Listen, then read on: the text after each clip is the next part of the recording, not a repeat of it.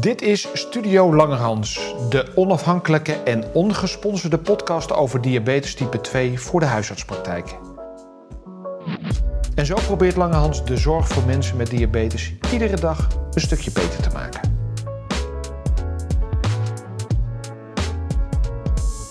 Welkom bij de tweede podcast van Studio Langerhans. Mijn naam is Suzanne Bakker, ik ben kaderhuisarts diabetes en vandaag is aangeschoven Bertien Hart.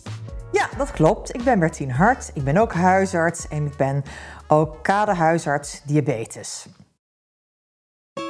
In de dagelijkse praktijk. Ik was benieuwd, Suzanne. Heb jij eh, deze week nog een, een bijzondere diabetescasus meegemaakt in je praktijk? Uh, ja, zeker. Niet deze week, de week daarvoor had ik wel een indrukwekkende casus. Het was een, uh, een jongen van een jaar of 15, 16, was op het spreekuur bij de co-assistent. En de, de ingangsklacht waarvoor kwam was spierpijn. Dus we dachten, nou, dat kan de co-assistent wel aan. Ja. En het uh, was echt zo'n typische puber, had helemaal geen zin in. En was met zijn vader en uh, wilde geen antwoord geven op de vragen. Kon er niet veel van maken. Maar toen, uh, als allerlaatste, zei zijn vader ja. En hij plast ook de hele tijd zo bizar veel. En toen had de co-assistent maar gezegd: Oh ja, je moet daar nou mee. Nou, lever morgen maar een plasje in. Ja. Die raadt natuurlijk al, want we zijn natuurlijk diabetes geïnteresseerd. In die uh, urine zat toen ja, 4 plus glucose en ketonen. Zo, dat was een ja. beetje paniek in de tent. Dus toen moest hij van ons terug naar de praktijk komen om zijn glucose te laten meten. Daar had hij ook geen zin in. En nou ja, je voelt het al aan, de, de glucose, het apparaatje gaf high aan. Toen meteen ingestuurd naar de kinderarts. Hè, bleek type 1 diabetes te zijn. Oh, maar ik vond het wel, wel indrukwekkend dat, zo, dat dat zich dan uit... Ja, zo'n jongen die dat dan bagatelliseert. En vooral die spierpijn, daar had hij dan wel last van. Dus daar was hij wel voor gemotiveerd om uh, mee naar de huisarts uh, te gaan. Ja, dat is niet iets wat je echt dagelijks meemaakt. En, Zeker niet, nee. nee. En waarschijnlijk ook heel blij dat je de urine hebt gecontroleerd. Ik was heel erg blij, want uh, ik had laatst nog met de co-assistent over. En zij bekende wel een beetje van, ja, het was nou niet het allereerste in haar DD waar ze aan dacht. Dus het Nee. was ook een beetje geluk dat die urine nagekeken werd, uh, ook met een grote stik. Dus uh, nou, eind goed, al goed, dat wil zeggen, tot op zekere hoogte. Een grote stik bedoel je dat er ook uh, glucose en ketonen op staan? Precies. En niet alleen precies. een niet schiet, ja. Precies, ja. Jeetje, indrukwekkend Ja, dus het was indrukwekkend en mooi dat zij dat zo toch goed heeft afgerond. En bij jou, hoe is het op diabetesgebied in jouw praktijk geweest de afgelopen tijd? Ja, nou inderdaad, de afgelopen tijd ben ik wel veel bezig geweest met een uh, hele gezellige patiënt van mij. Dat is een meneer van 79 die al ja, ruim 20 jaar diabetes heeft. En eigenlijk wel redelijk uh, goed was ingesteld steeds met twee keer duizend metformine. Maar afgelopen jaar is toch zijn HbA1c van 53 naar 63 naar 78 gegaan. In de, ja, eigenlijk een beetje door de COVID-periode. Waardoor die minder lichamelijk ja. actief was. Ja. En uh, toen was het toch wel een stap om er iets uh, bij te gaan geven. En -hmm. dan heb ik de, de POH heel goed geleerd van, nou, waar denk je dan eerst even aan? Is het wel of niet zeer hoog risico ja. patiënt?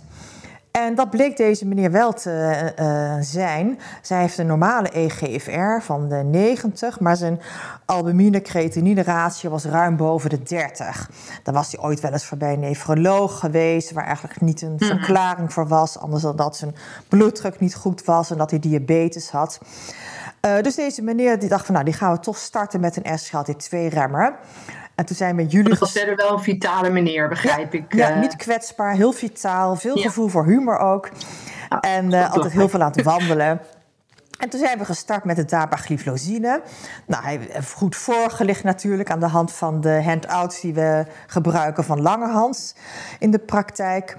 En uh, nou, ook verteld dat hij op genitale infecties moet letten. Nou, daar was hij heel huiverig voor, maar met goede hygiënemaatregelen had hij er helemaal geen last van gehad. Maar wel transpireren veel en uh, ook obstipatie. Maar vooral wat hij heel veel last van had, is ontzettend veel plassen. Oh, oké. Ja, ja, en, en uh, veel plassen. En hoe is dat? Want hij had een vrij hoog HbA1c, begreep ik. Hè? Zei je net, 78? Ja, 78. Ja. En, en, en is, ik, is dat plassen minder geworden naarmate de HbA1c minder werd of lager? Nee, nee, want ik dacht ook van misschien is het daar toch aan gerelateerd. Dat als je een hoge HbA1c mm-hmm. hebt, dat je ook daardoor meer plast. Maar ja, hoe ja. zit het dan bij mensen zonder diabetes, die het ook wel eens Precies. voorgeschreven krijgen door de cardioloog? Ja. En, maar zijn HbA1c was inmiddels gedaald naar 63 en hij is 5 kilo afgevallen. Nou, daar was hij mhm. waanzinnig blij mee. Ja. En, ehm, dus voorlopig wil hij wel doorgaan met de dapagliflozine. Maar ja, dat is toch wel de, vaag en, en, vreemd dat de een daar heel veel last van heeft en de ander niet. Nou, inderdaad, want dat is natuurlijk ook een beetje uit ons eerdere vragenlijstonderzoek, hè, dat we dat van sommige mensen terugkrijgen. Eh, dat veel plassen nog best wel eens een probleem kan zijn en bij anderen echt helemaal niet. Ja. Ik heb eerlijk gezegd geen idee hoe dat ehm, precies in elkaar steekt. Dus misschien kunnen we daar een, uh, een diabetes-expert voor bellen. Ja, dat lijkt me een goed voorstel. Ik had uh, Sabine Meijvis in gedachten. Dat is een nefroloog uit UMCU. Ah, ja. Zullen we die ja, bellen? Die kan... Ja, laten we die bellen. Bellen met een diabetes-expert. Met Sabine Meijvis. Ha, Sabine. We hadden een, eh, een casus waarbij we een aantal vragen uh, hadden. Waar, wat we, stelden ons we vroegen ons het een en ander af. En we dachten, laten we dat eens overleggen met een nefroloog. Uh, ik zal in het kort even de casus schetsen. Het is een meneer van uh, 79 jaar, een hele fitte, vrolijke, vitale meneer. Al 23 jaar diabetes. En die was met metformine 2000 eigenlijk onvoldoende ingesteld. En vanwege hoog risico op basis van chronische nierschade, een verhoogde ACR, uh, zijn we bij hem gestart met dapagliflozine.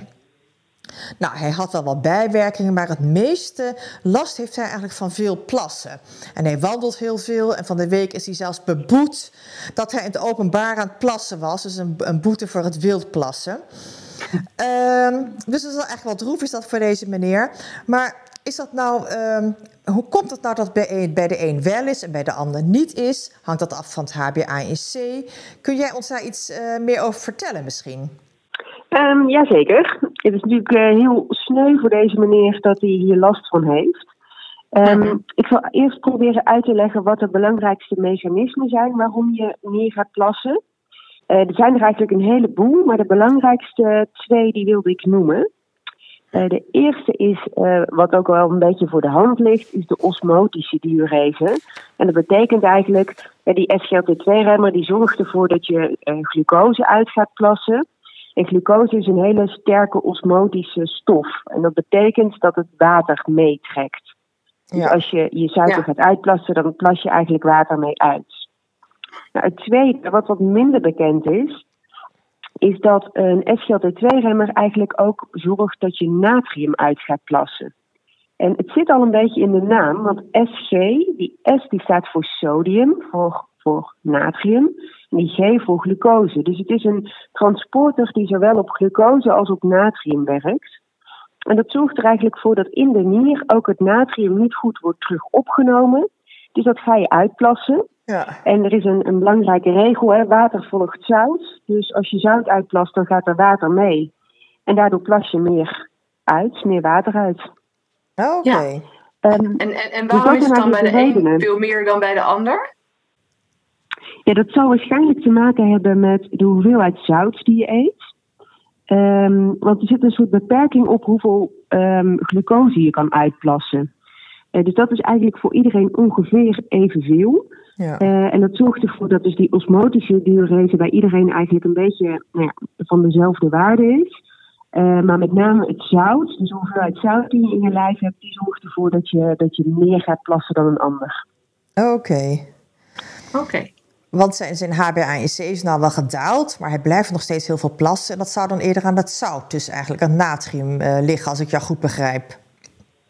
Ja, ja, ik denk zeker maakt dat glucose ook uit. Maar ja, zoals je al zegt, zijn HbA1c zijn het dalen. Dus waarschijnlijk worden zijn glucosewaardes beter.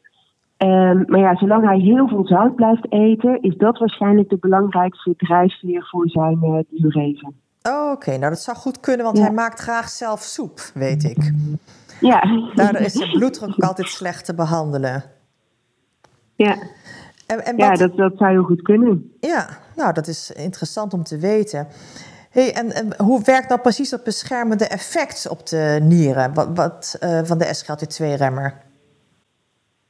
Nou, wat er gebeurt doordat je meer zout gaat uitplassen, dat doet namelijk die SGLT2-remmer, die zorgt dat je dat zout gaat uitplassen, dan komt er een verhoogd aanbod van zout bij je distale tubulus in de nier.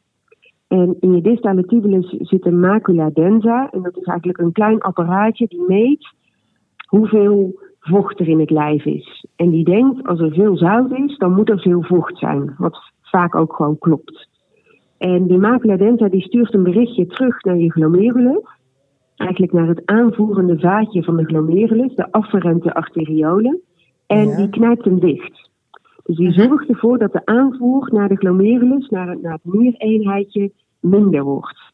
En daardoor daalt de druk in de glomerulus. Uh, precies hetzelfde mechanisme zoals ACE-remmers werken. Ja. En als de druk daalt in de glomerulus, dan is dat beschermend. Dan gaat het, uh, staat er minder druk op, dan verlies je minder eiwit. En dat uh, zorgt ervoor dat die glomerulus langer meegaat. Jeetje, wat kun je dat goed uitleggen? Het wordt daar een stuk eenvoudiger door meteen. Het is, op, het is opeens helemaal duidelijk. Hè? Ja, ja. Ja, ja, nou is het ook zo dat als je natuurlijk dat zout uitplast, dan zorgt dat ervoor dat je een lagere bloeddruk krijgt. En dat is natuurlijk voor je hele hart-vaatprofiel uh, ook gewoon veel beter. Uh, dus mm -hmm. dat bloeddrukverlagende effect van de SGLT2-remmers op zich is een, is een bijkomende factor nog. Ja. ja. En deze meneer heeft eigenlijk alleen een verhoogde ACR, de albumine-creatinine ratio in de urine. En zijn EGFR is, is uh, normaal. En dan heeft hij een betere, een eh, minder hoog risico dan wanneer hij ook een, een lage EGFR heeft. En hoe verhoudt zich dat toch tot elkaar? Die twee factoren en de verslechtering van de nierfunctie en het hart-vatenrisico. Nou, we weten dat uh, voor je nierfunctie de belangrijkste factor is hoeveel eiwit je uitplast. Dus je ACR. Ja. Ja. En uh, iemand die nog een normale GFR heeft, maar uh, wel eiwit uitplast, dat heeft een, een nou, het is natuurlijk fijn dat de nierfunctie nog goed is, maar het feit dat hij dat eiwit uitplast is eigenlijk een slechte prognostische factor. Ja. Je kan beter alleen een verlaagde GFR hebben en nul eiwit in je urine. Daarvan weten we dat dat prognostisch beter is.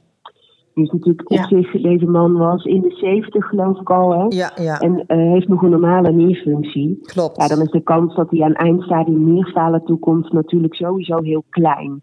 Gelukkig. Um, dus wat dat betreft heeft hij, een, heeft hij een redelijk risico. Ja. ja.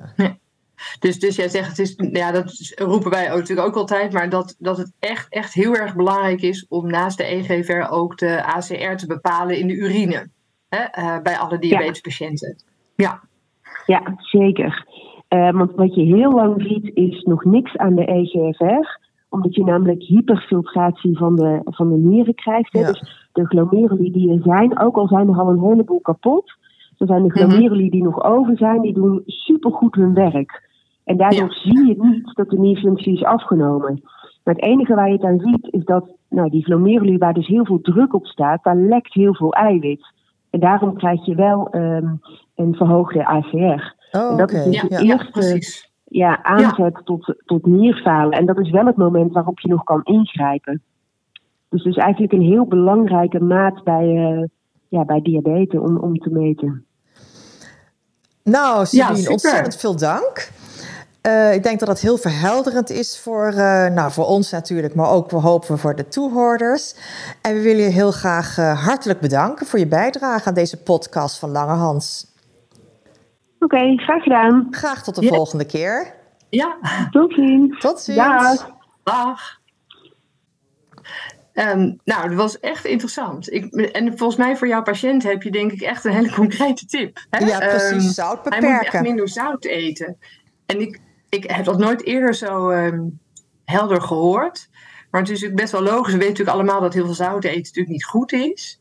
Maar nu kan je denk ik mensen ook echt motiveren, omdat hij er waarschijnlijk dan echt meteen een voordeel van uh, zal ervaren. Ja. Uh, dat hij minder gaat plassen. Ja, en ik denk het ook. En bij een hoog zout werkt de raasremming ook minder. Ja. Zijn bloeddruk is ja. altijd slecht te reguleren. Dus ik denk dat het belangrijkste boodschap wordt dat hij zijn soep moet gaan aanpassen. Ja, nee, echt in, ik, bij mij schiet ook meteen nog een patiënt binnen die ook gestopt is met de SGLT2-rem met echt een super zeer hoog risico, zeg maar. Ik weet niet of dat ook een categorie was. En die is gestopt, maar ik denk, oh, die eet gewoon veel te zout. Ja. Dat is misschien best een uh, overweging om dat uh, toch nog eens opnieuw te proberen. Diabetesnieuws uit de bladen. Suzanne, heb jij nog uh, leuke diabetes-gerelateerde artikelen gelezen in HNW en NTVG de afgelopen weken? Ja, zeker. Um, even kijken. Even, even terugkijken. Er waren een paar interessante artikelen.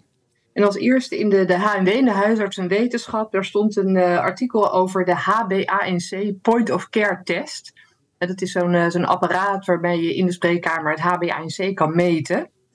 En nou, het was een heel optimistisch, positief artikel. Het was een onderzoekje gedaan, vooral om te kijken wat patiënten daar nou van vinden, wat huisartsen daarvan vinden en POH's.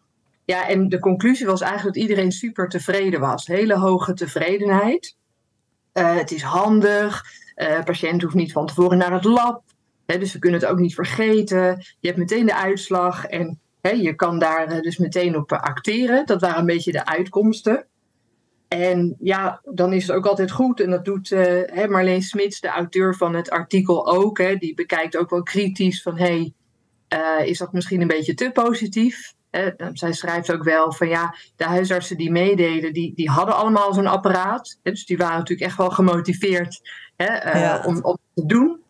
Er waren niet enorm veel praktijken die meededen. Wat zei je? Ja, dat merendeel van de huisarts heeft dat apparaat natuurlijk niet. Nee, precies. En het is ook dus maar de vraag of die behoefte leeft. selectie van, van, uh, ja, van enthousiastelingen. Ja, ja. Uh, en uh, nou, ze gingen natuurlijk achteraf vragen aan de, de, deelnemers: wat vond je ervan? En ook lang niet iedereen heeft geantwoord. Hè? Um, dus maar al met al, zo'n onderzoek is natuurlijk ook om te kijken van, uh, ja, past zoiets in de praktijk? En uh, dat lijkt dan wel zo te zijn. Het spreekuur, de, de consulten werden wel ietsje langer, maar iedereen vond dat wel de moeite waard. Dus nou, dat schrijft, dat is het onderzoek van Marleen Smits, wat besproken wordt in de ANW. En ben jij nou gestimuleerd om zo'n apparaat aan te gaan schaffen voor je eigen praktijk? Nou, uh, niet 1, 2, 3, om eerlijk te zijn. Maar ik denk dat het ook een beetje afhangt wat voor type praktijk je hebt en waar je ja. zit. Uh, in dit uh, onderzoek is natuurlijk ook niet gekeken naar de kosten. Hè? dat is ook lang niet uitgekristalliseerd of het nou goedkoper is of dat het duurder is. En ik denk dat je heel erg naar de infrastructuur moet kijken. Kijk, bij ons is het lab iedere dag aanwezig. Um, en al onze patiënten wonen in de wijk. Dus het is voor hun minder moeite dan wanneer je misschien op het Groningse platteland een huisartspraktijk hebt. Dus ik, uh, um, nou, voor mij hoeft dat nu zo 1, 2, 3 niet. Maar, um, en daarnaast is natuurlijk hier ook niet gekeken naar de, de kwaliteit van de meting. Uh, nee. En nou weet ik wel dat dat enorm verbeterd is de afgelopen jaren, zo'n HbA1c point of care. Um, maar ja, als je zoiets moet, doet, dan moet je dat toch ook altijd wel weer samen met dat laboratorium doen. Om te garanderen dat die meting ook echt een goede meting is. Ja, precies. Dus dat moet je jaarlijks doen. En ik denk toch ook dat hè, de patiënten moeten toch ook voor hun nierfunctie en albumine-creatinine ratio in de urine moeten ze toch ook naar het lab ja, voor het jaarlab moet je sowieso naar ja, het lab. En dan neem je het HbA1c mee. als je een tabletje bent gestart of je hebt een, he, iets gegeven, dat je het, uh, ja, uh, dan wil je natuurlijk eerder het HbA1c alleen nog meten. Dus dat zou misschien handig kunnen zijn. Ja. Dus, nou, toch wel een interessant artikel. Oh.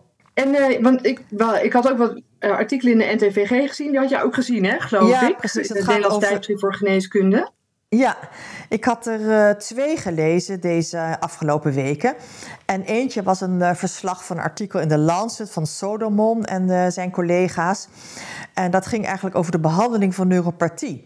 Dat is de Option Diabetes Trial. En er werd eigenlijk gekeken naar de middelen die we wel kennen: de amitriptyline, pregabaline, deloxetine. maar het verschil is eigenlijk dat ze in deze trial uh, iets toevoegde als monotherapie onvoldoende effect had. Dan gingen ze een van, van deze combinaties proberen. En de combinaties die lijken eigenlijk wel uh, effectief en die worden goed verdragen. Ja. Dus dat is wel goed nieuws. Want ik heb het nog even gelegd naast de richtlijnen in de NRG-standaard en de, van de, van de FMS-richtlijn van de specialisten. Hoe dat behandeld wordt bij de, hè, de diabetische neuropathie. En dan kom je eigenlijk wel dezelfde middelen tegen, maar het wordt steeds beperkt tot een monotherapie. Dus ja, op zich biedt ja. dit wel uh, perspectief eigenlijk. Ja, dus een combinatie is ook bewezen effectief, zeg maar. Ja. Je hebt wat meer mogelijkheden. Ja. Wat ik wel weer lastig vind, ik merk toch al bij patiënten hè, dat het gewicht vaak toeneemt door deze middelen. Mm -hmm.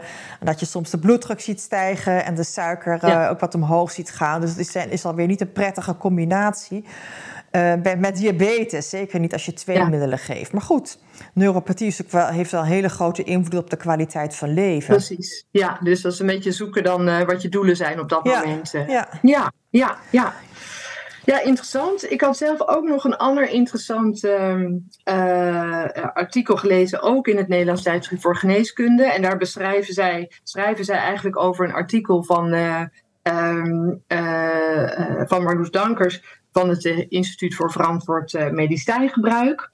En dat uh, originele artikel staat in het British Journal of General Practice. En tot mijn verbazing zag ik dat onze eigen Bas daar ook aan meegeschreven ah, heeft. dat is goed nieuws. Ik denk, waar haalt hij de tijd vandaan? Maar het stond er echt bij. In elk geval ging dat over uh, ja, de praktijkvariatie over het voorschrijven van insuline. Dus eigenlijk de eerste keuze uh, insuline na orale therapie. En uh, nou ja, Marloes heeft daar uh, grote retrospectief cohortonderzoeken opgezet. En zij heeft eigenlijk gekeken in het jaar 2018 van nou ja, wat gebeurt er nou? Hè? Wat wordt er zo al voorgeschreven? En uh, het past, de uitkomsten past wel een beetje wat wij denken ook in de praktijk zo her en der voorbij zien komen. Want ja, de NPH-insuline staat natuurlijk nog altijd hè, als advies eerste keuze in de NAG-richtlijn. Uh, maar toch uh, van bijna uh, van, de, van de kleine 8000 mensen die insuline voorgeschreven kregen, kregen een, een klein kwart toch een ander type insuline. Zoals de insuline glargine van 300, ook wel Toujeo, of de insuline degludec, de Tresiba.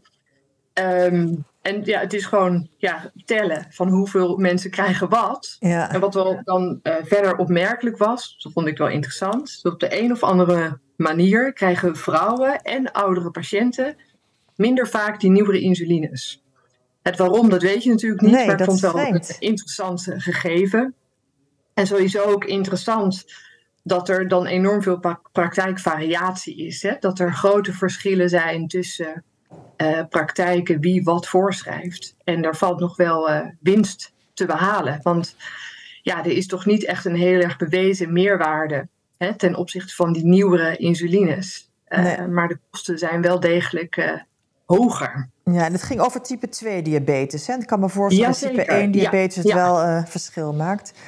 Ja, nee, zeker nee, uiteraard. Het gaat over de eerste lijn, over type 2 diabetes patiënten. Dus echt de klassieke patiënten die, ja. die niet voldoende uitkomen met leefstijl en orale therapie. Nou, interessant. Dus, mooi onderzoek. Ja, ja, daar moet misschien ook een FTO over georganiseerd worden in de verschillende huisartsengroepen om daar verbetering in te brengen. Nou, goed idee. Ja. ja. Ik las ook nog een artikel in het NTVG. Dat was van Bramante en collega's in het New England, of, uh, New England Journal of Medicine. In augustus is dat al gepubliceerd. En er was een heel ander onderzoek, dat was eigenlijk niet diabetes gerelateerd, maar het ging over metformine, ivermectine en fluvoxamine.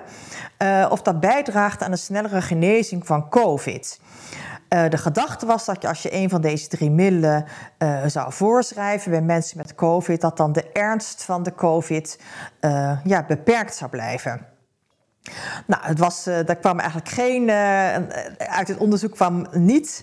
Uh, niks. Nee. Te, nee, er kwam niks naar voren dat metformine de, het zou verbeteren. En ook van die andere middelen is dat niet aangetoond. En ja, dat zou natuurlijk ook wel heel bijzonder zijn. Want van metformine hebben we natuurlijk al zoveel goede verhalen. Dat het eigenlijk ja, het, precies. Hè, het, enige het is soms een beetje een soort het, het wondermiddel. Hè? Zo, voor, voor, voor alles zou het goed zijn. Precies. Beetje net als, net als vitamine D. Maar het, het komt uiteindelijk nooit echt uit de onderzoekingen. Nee, hè? Want we, we, nee. las, we lazen wel dat het bij de vruchtbaarheidstrajecten ook gebruikt wordt met oh. Ja. En Ja. dat het bij sommige maligniteiten overleving uh, zou uh, uh, verbeteren. Maar op COVID Ja. doet het helemaal niks. Dus ik denk dat we voorlopig gewoon uh, lekker bij onze type 2 diabetes uh, patiënten gaan voorschrijven. Blijven Nou, het voorschrijven. goed, goed om te weten dat we het daar niet voor hoeven gebruiken. Ja, dus echt best vier leuke artikelen weer in de afgelopen Absoluut, vier weken. Absoluut, echt interessant en lezenswaardig. Ja, Oké, nou dan komen we alweer aan bij het laatste uh, rubriekje van deze podcast. Een casus van het forum. Dus laten we Martin even bellen. Opvallende dingen van het forum. hoi met Martin. Ja, Hey Martin, hallo. hi. Uh, Hoi. Ja, fijn dat we weer even konden bellen. Uh, wij ja, ons af uh, of je nog een interessante casus van het forum uh, of een vraag van het forum met ons wilt delen. Er is een hele mooie binnengekomen van Bart Gietema op 15 november. En die zegt van, um, ik heb een patiënt die heeft met metformine eigenlijk heel goed effect. Hij, uh, zijn HbA1c is gezakt, zijn bloedsuikers zijn gezakt en zijn gewicht is behoorlijk gezakt. Door, door, ook al door lifestyle natuurlijk. En die heeft nou een mm HbA1c van 44. En ja, dan is de vraag van Bart eigenlijk van uh, eh, 44, dat is toch wel behoorlijk laag. Ja. En die moet eigenlijk ja. met metformine wel stoppen. Maar dat wil die patiënt niet. Die zegt, ja, ik heb het allemaal bereikt, die mooie lage bloedsuiker, met mijn metformine en mijn leefstijl, uh, die ga je me niet meer afpakken. Mm want we weten ook al dat, dat uh, lage HbA1c's bij iemand van 70 en langer dan 10 jaar diabetes moeten we niet hebben. Daar hebben we heel duidelijk een ondergrens van 54 neergezet, omdat het anders gevaarlijk is om uh, te laag te komen te zitten. Mhm. Maar bij iemand die met monotherapie met formine uh, dit bereikt, is het natuurlijk een heel ander verhaal. Ja. Met formine heeft geen hypoglycemie, in die zin ongevaarlijk. En dan is het eigenlijk de vraag, ja, de lower the better. Of uh, hoe laag kan je of moet je gaan? En dat is natuurlijk best wel lastig. Dat is een grijs gebied. Ik moet zeggen, ik heb ook wel eens een patiënt gehad die uh, op 46 zat. Hè, en, en dan stop je er met familie en dan jojoot hij toch weer naar boven. Ja, kan die weer op 4 of 55 uit. Hè. Dat, uh, maar ja, is het gevaarlijk? Ja, op zich natuurlijk niet. Hè. Met familie geeft geen hypoglycemieën. En een HbA1c van 44 is nog net boven uh, het normale. Normaal is tussen 20 en 42 voor iemand die geen diabetes heeft. De WHO heeft gezegd, ja, boven de 48 zeggen wij al dat je diabetes hebt. De NRG zegt, ja. Uh, zegt dat, dat de, anders, hè, die baseert op de nuchtere bloedsuikerwaarde. Ja, precies. Ja. Ja, dus de, dus de, zegt... is een beetje de frequentie. Ja? Ja, dus jij zegt heel duidelijk hier van ja, kijk, mm het is een beetje een grijs gebied, maar met name omdat metformine geen hypo's geeft, Hè, um, hoor ik niet van dat is allemaal heel erg gevaarlijk.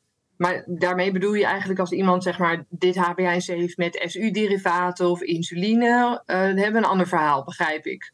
Dan, dan hebben we zeker een ander verhaal.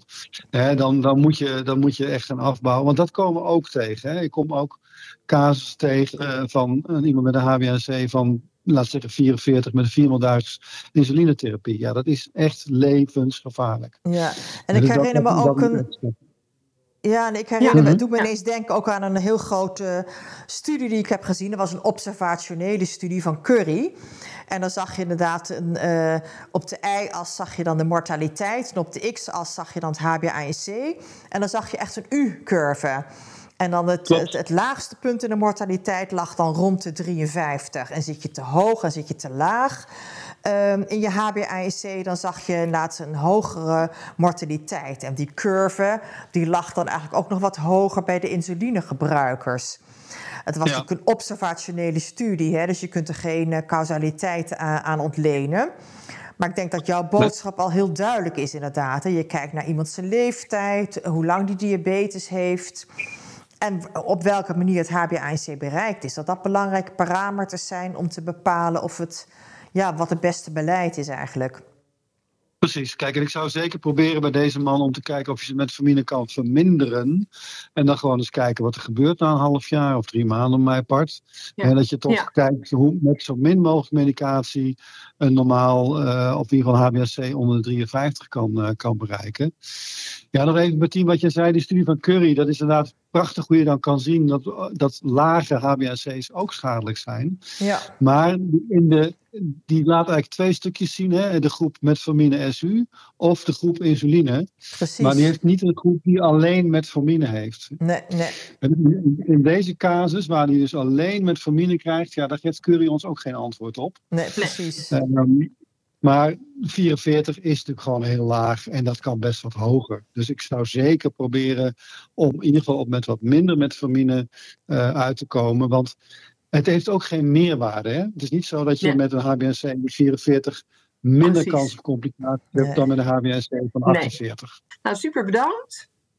Graag gedaan. En, uh, voor deze duidelijke uitleg. En uh, nou, wij bellen je bij de volgende podcast weer. Goed zo. Um, Tot dan. Ja. Dankjewel, Martin. Doei. Doeg. Nou, Bertien, dan zijn we aan het eind van deze podcast gekomen. Ik vond het heel gezellig, uh, ook uh, jou. Hey, en jij gaat hem volgende week, uh, of volgende week, volgende keer doen. Met wie, wie nodig je uit? ik denk dat, het dan de, dat we dan gaan doen met Daniel Tavernier. Ook een kaderhuisarts diabetes, ook heel veel ervaring. En dat we daar de volgende podcast mee gaan opnemen. Nou, gezellig. Leuk. Nou, veel ja. plezier alvast. Dankjewel. Bedankt voor het luisteren. Tot ziens. En dan nog even dit. Wil je je kennis over diabetes bijhouden of oplussen en ben je werkzaam als huisarts of praktijkondersteuner of verpleegkundige? Dan ben je bij ons aan het goede adres. Langerhans verzorgt bijna dagelijkse nascholingen over diabetes voor de eerste lijn. Daarnaast hebben we een boekenreeks die het werken in de dagelijkse praktijk ondersteunt en makkelijker maakt. We zijn altijd bereikbaar via onze website diabetes2.nl. Stichting Langehans wordt gerund door kaderhuisartsen diabetes, diabetesverpleegkundigen en praktijkondersteuners. En Langehans werkt nauw samen met de DIHAG en het Nederlands Huisartsengenootschap.